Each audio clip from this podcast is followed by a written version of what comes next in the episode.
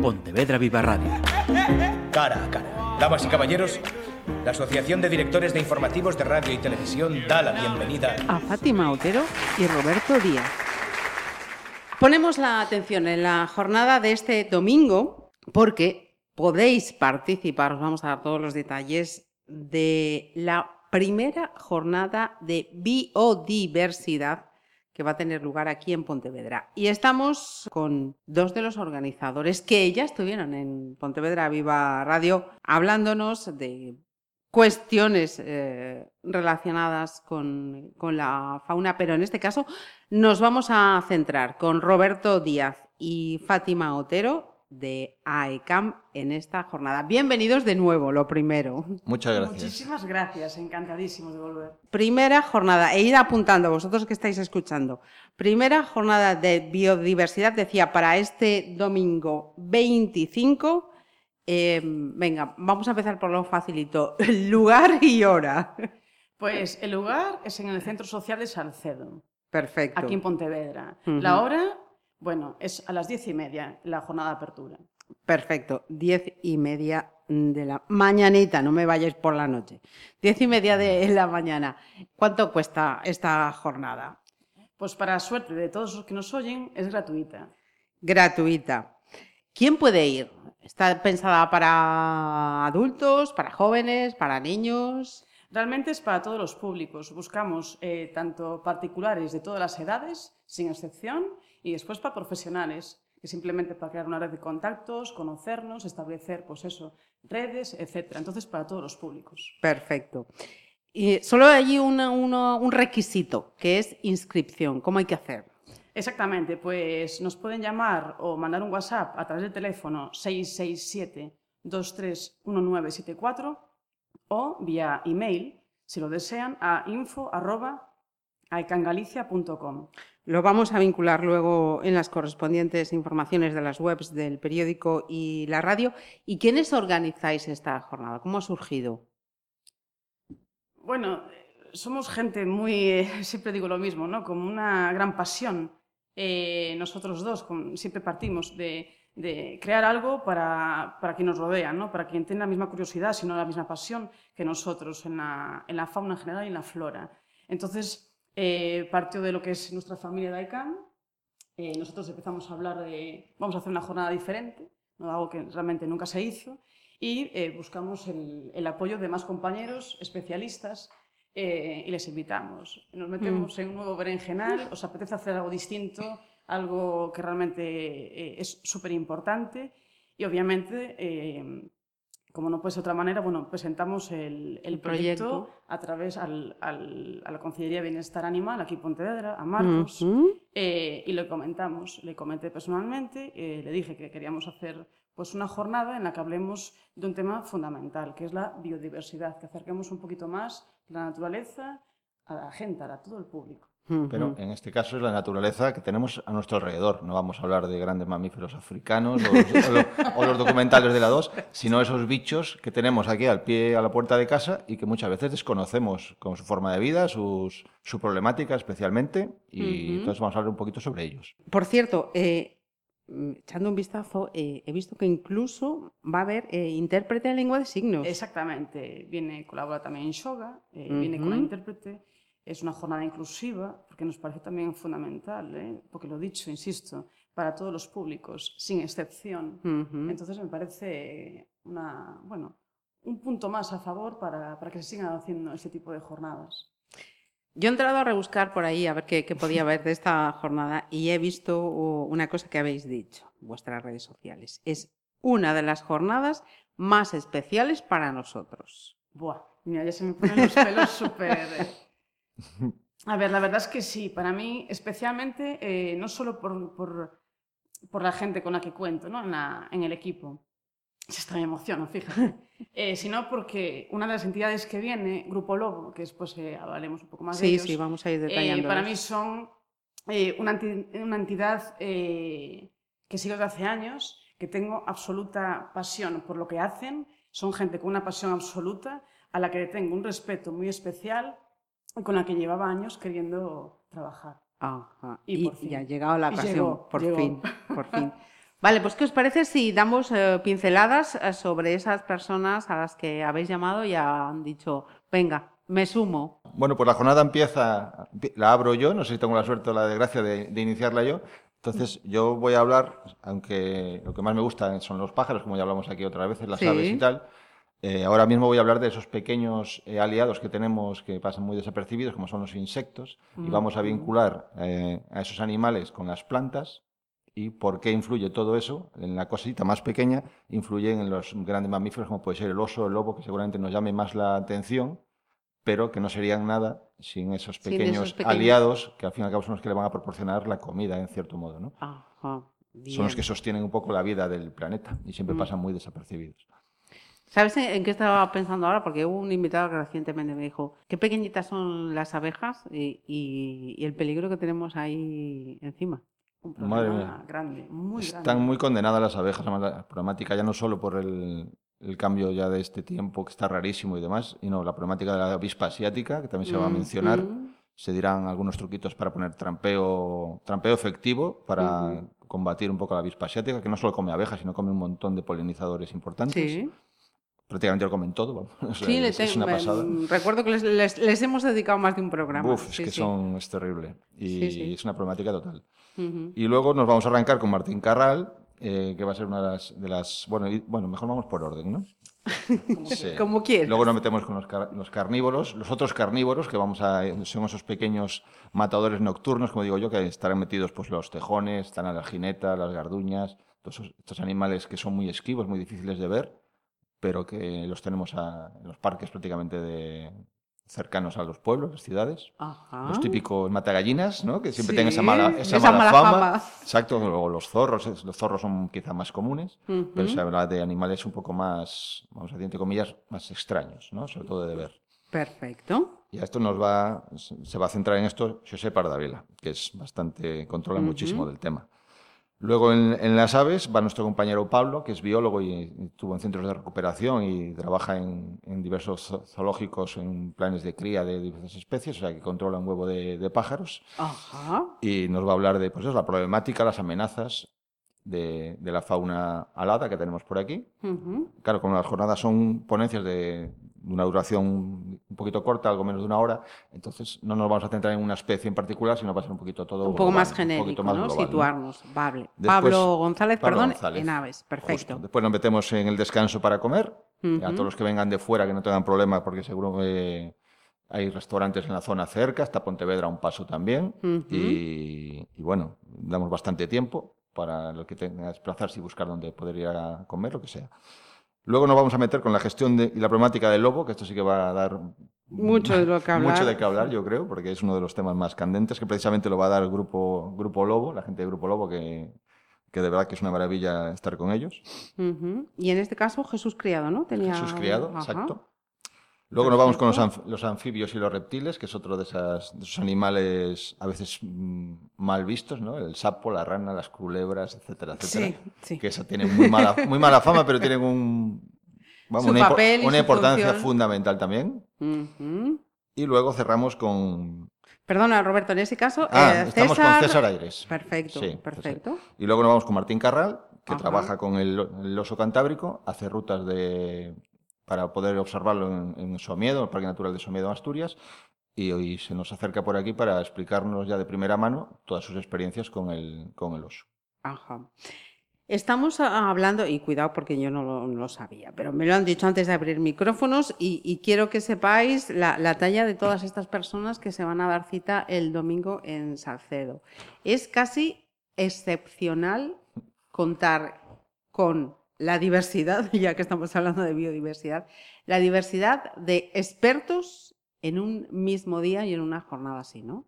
Es que realmente a mí me, emociona esta gente eh, y son, bueno, eh, forman parte de entidades eh, a nivel gallego de alto nivel, lo- eh, de lo más que tenemos en Galicia. O sea, so- so- somos realmente afortunados que quieran colaborar eh, con nosotros para, para contarnos también su trabajo, su trayectoria, que tienen un mochilón, ¿eh? no solo a nivel de formación, sino a través de, de- de grandes experiencias, tanto bueno, desde Grupo Lobo, desde Grupo GEAS, César, por ejemplo, que es el responsable de la delegación de la Asociación Herpetológica de España en Galicia. O sea que tela, bueno, sin desprestigiar a mis compañeros, Sí, obviamente. Hacemos lo que podemos.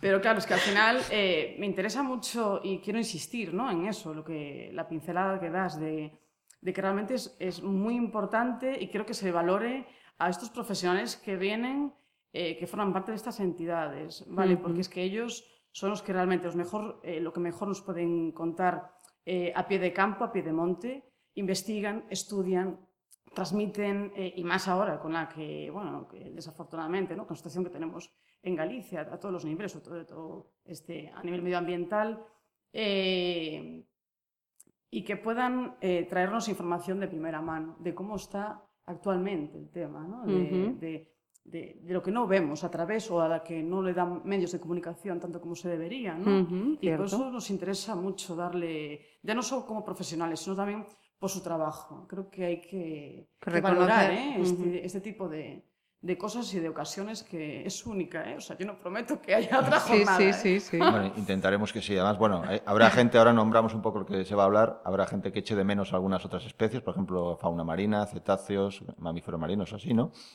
Pero, o murciélagos, etcétera, para que no tengan Spoiler ahí, venga. Serán que próximas, se, eh, se intentará jornadas, esto no- abarcar lo que nos queda atrás, porque bueno, no teníamos más tiempo físico para, para Claro, y el que, día. y que además me imagino eso, que para hacerlo ameno, didáctico y tal, también hay que meter la tijera, ¿no? Un poquito, Supongo sí. que seguro que... Vamos a repartirlo más, en más Claro. días, quizá. Es que Claro. realmente el horario lo tenemos súper ajustado para un Mm. día. Sí, eh, sí. Y somos conscientes de que todo un día eh, es, eh, es mucha teoría, aunque sea experiencia, pero también te agota. Entonces, lo ideal sería mínimo, vamos, un fin de semana y con, eh, con pinzas, porque son muchas especies, muchas experiencias, mucha problemática, mucho que abordar. Y no es fácil. Vale, entonces también tenemos que tener en cuenta que esta gente que tiene una vida muy intensa y es muy difícil que abran su agenda y diga, puedo este día.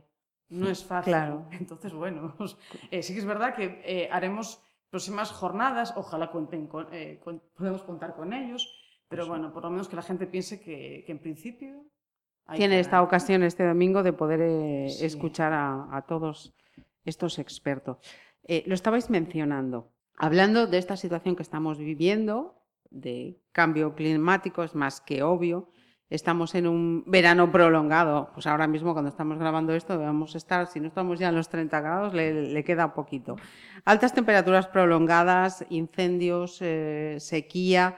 ¿Cómo está afectando todo esto a la biodiversidad animal? No solo a estos otros animales que somos los, seres humanos. Bueno, pues está la cosa ba- bastante, bastante grave, ¿no? Lo del cambio climático quizá no sea el problema en sí, sino es una consecuencia más grave de todos nuestros actos este, de consumismo descontrolado, ¿no? La contaminación, el tener a la naturaleza como surtidor de recursos en vez de querer cuidarla un poquito más. Hablando de biodiversidad, por ejemplo, la fachada atlántica gallega, si vamos de- desde Tuy hasta, hasta el norte, toda esa eh, biodiversidad está casi arruinada por plantaciones de monocultivos. Ahora estamos con el tema de, los eólicos que se cargan la- las zonas donde más interesantes para colocar los molinos. Bueno, el problema, bueno, no me quiero meter en mucho fregado, pero, pero va la cosa un poco por ahí. Que ¿no? está dificilita la Claro, ya cosa no, no hay bosques realmente. Yo como, quería, no, en mi charla voy a intentar enlazar lo de los bosques, bosques de verdad, no simple plantaciones de pinos o eucaliptos nada más, que al fin y al cabo no proporcionan la biodiversidad necesaria de, de otras plantas y otros animales para que la cadena, la el ciclo de la cadena alimenticia siga su curso natural. Entonces es una problemática muy grande. Además ahora estamos con estos tantos incendios que ¿no? algunos son muy mediáticos, pero hay otros más pequeños que también afectan. Y siempre nos dicen, ¿no? cuando escuchamos en la televisión, que está controlado o ya está extinguido, pero pensamos que el problema está acabado y sin embargo no deja de empezar. Ahí empieza otro Ahí problema. empieza el problema quizá mucho más gordo porque todo ese, ese suelo al que no le prestamos atención y que me voy a centrar yo un poco en él también, el suelo donde nace todo, eso acaba totalmente calcinado, destruido, la, la microbiología que hay en el suelo, fundamental para descomponer materia orgánica y tal, queda totalmente arruinada. Si después de un incendio muy grande vienen lluvias, ese, ese material se arrastra todo, acaba en curso del río, del río acaba en, en la ría, en algún caso nos tiene pasado en los incendios gordos de por aquí, que los bancos marisqueros quedaban todos Recuerdo. todos arruinados por las cenizas que bajaban. O sea, bueno, la problemática es tan grande que bof, Es terrible. El problema es que no vemos el origen de los problemas. Veo las consecuencias eh, y lo más eh, rápido, ¿no? Lo, Ujú. eh, imágenes que podemos ver, por ejemplo, en la televisión, ¿no? De, El, el Esa jabalí, foto rápida de... Sí. El jabalí en un eh, jardín. eh, atacó o destrozó una finca, vale, pues que hay más que eso. Vamos a ver por qué ocurre eso. Vamos a Ujú. solucionar el problema, pero a la base, a la raíz del problema. Claro. Y no, no, no lo logramos entender. Entonces, eh, por un lado, eh, se dejan más, eh, se dejan ver más los animales, que ya es una problemática, ya también para ellos hay que ponerse su pellejo, ¿no? nunca mejor dicho. Y por otro lado, acabamos con, con la parte que va a abordar él, ¿no? Con, acabamos con la, con la microfauna, o sea, me dice mucha gente, es que desde una mariquita, una vaca loura, y digo, pues señores, hay que empezar a, a darse a cuenta de que esto nos afecta a nosotros, no solo a los animales, ¿eh? Estamos ahí en, Sí. el- en ese punto. Entonces, dar la, la visión global, no solo una, no solo una imagen. Una foto fija no, no nos vale, desde luego. No nos vale, no. Ya es muy llamativo el jabalí en un jardín, pero si a lo mejor vemos el entorno donde está ese jabalí, que un animal, como un jabalí como cualquiera, lo que quiere es primero no ser comido, luego Mm. comer y reproducirse, ¿no? Eh, Fundamentalmente. Si nos cargamos al depredador del jabalí, que lo único que tiene es el lobo, el único que le puede hacer frente sería el lobo, ya no solo por darle caza, sino si, la presen- si hay presencia de lobo, el jabalí no va a andar tan tranquilo, me entiendo, expu- expuesto en un, en un Ajá. jardín público, etcétera, ¿no? Claro. Luego los, eh, los eucaliptos no proporcionan alimento, como puede ser bosques de bosques mixtos de castaños, robles, etcétera. Eso da, da alimento a los animales. Aparte de proporciona otro tipo de tubérculos, de setas, de otra vegetación diferente, etcétera. Entonces esos, esos animales no estarían tan necesitados a bajar a la finca de maíz de, de cualquiera, que claro, una vez que te entra, pues es como un tractor, acaba con todo. Y ahí, ahí vemos el problema, pero no la consecuencia de atrás, porque su entorno biodiverso pues ya no es tan diverso. Estos días de atrás hablaba con un técnico sobre el tema de- del agua como recurso, ¿no? Decía que es, es un debate que hay que plantearlo ya porque el futuro eh, es de ahí. Y mientras estabais hablando, digo, eh, es que aquí pasa lo mismo, ¿no? Es un debate que tiene que estar fuera de, Sí. de modas, de agendas electorales y plantearlo ya porque eh, es urgente. Ya. Sí, bueno, sobre todo fuera de la política, porque, madre mía, estamos viendo cuántas COP, cuántas cumbres del clima se están realizando, que al final no sirven para nada, quedan en hacer mil cosas que no hacen ni la mitad, es un poco un postureo, un lavado de imagen, y, pero bueno, que no es solo culpa de los políticos, porque es- es- lo del cambio climático y la conciencia medioambiental tiene que ser de, de cada uno de nosotros. Nuestro Ahí granito, va nuestro granito de arena. No- efectivamente, No, nos sirve nada es que culpo a una multinacional porque hace esto, o culpo a mi político porque no hace nada. No, nosotros tenemos que ser conscientes. Como digo yo siempre, si cuidamos nuestro metro cuadrado cada uno el suyo, seguramente nos iría bastante mejor. Uf. Son muchas cosas. Son muchas cosas. Sí, sí, ¿no? Y por eso yo creo que, que es, es importante esta oportunidad que, que ofrecéis Claro. para, este, para este domingo, ¿no? Y el tema del agua es que cuantos menos bosques tengamos, más quemados, ¿no? con el tema de los incendios, más de- desertificación, eh, lo- los bosques al final son, generan una humedad que atraen un poco más a la lluvia. Y Galicia, cuando hace unos años, no hace mucho, era, teníamos la fama de la lluvia, ahora Sí. po- poco a poco estamos convirtiendo casi en, no sé, en verano continuo. Ujú. Es una pasada. Sí, sí, sí. Y eso sí. cambia, claro, los ritmos de los animales, claramente. Épocas de cría, todos, que cambia. O sea, cuando salen los frutos, cuando maduran. Es que no, no. Y claro, y de ahí lo que, a colación lo que decía él antes, ¿no? De, de la, la naturaleza, hasta el día de hoy, por lo menos aunque hay quien lo debate, se autorregula. El problema es que nosotros metemos mano y perjudicamos. No hace falta ni ir detrás ni destrozar, obviamente, eh, con los incendios, con la contaminación, la caza, todo. O sea, tenemos todos factores en contra. O demonizar especies, ¿no? También, o sea, ves el lobo cual. y crea pues de, de 0 a 100, ¿no? Siempre, o, la- o lo odias o te apasiona, no Ujú. en término medio, y como todos los demás, o jabalí, da igual la especie que sea, ¿no? Al final eh, crea eso, entonces me parece, no sé, fundamental, digo, la naturaleza hay que dejarla quieta, o sea, conocerla y respetarla. El resto fluye Claro. solo. Nosotros, Nosotros pasamos por ahí. tratamos, a los- Deberíamos. tratamos a, a los animales en función del beneficio o el prejuicio, que- que, perjuicio nos que- causan, sin, sin valorar que a lo mejor los que lo estamos haciendo mal quizás seamos nosotros. Pasa que esa autocrítica es dura, ¿no? Decir, "Mm, mal". lo estoy, lo estoy haciendo mal. Mm". mal. Lo llevamos muy mal. Sí, sí, es verdad. Pues mm, hemos sentado un poco los, los mimbres eh, para acercaros a esta primera jornada de biodiversidad a la que podéis eh, eh, acudir este próximo domingo. os va a faltar sitio para que la gente vaya. Debería, al menos. debería. Debería. Esperemos que sí. ¿eh? Hombre, aparte es muy agradable, ¿no? Cuando se hizo pública la, eh, este evento. eh, es que a mí, yo para eso soy súper emocional. ¿no? Es decir, eh, recibí los primeros WhatsApps y después un montón de mensajes, ¿no? En plan de, qué ganas teníamos de vernos, siempre que hacéis algo es súper potente, súper especial. Y digo, es que si vosotros estáis al otro lado, acudís a nuestra llamada, acudís a los eventos, nos apoyáis, Ahí esto estamos. Sale, sí. Esto sale. Es querer eh, poner interés y pasión. Siempre. No El hay resto más. va solo. No hay más. Pues la parte que os corresponde es inscribiros. Ya digo, vais a tener eh, perfectamente reseñado dónde y cómo hacerlo. Y yo, por mi parte, darle las gracias una vez más a Roberto y a Fátima. No sé si queréis decir algo más que me, me- me haya dejado. No, simplemente echar el zasca final de que eh, siempre pedimos, ¿no? Una entidad tan pequeña como la nuestra, eh, que se dé pie, que se dé bombo, que se dé publicidad, que se dé apoyo, que es lo que necesitamos. Y me da igual que sea ICANN, me da igual que sea Sí, eh, cualquiera manos, lo que sea, la entidad que sea, eh, hay que apoyar a la gente en los proyectos educativos y medioambientales y hay que moverlo. O sea, esto es tan importante como otros eventos que se organizan.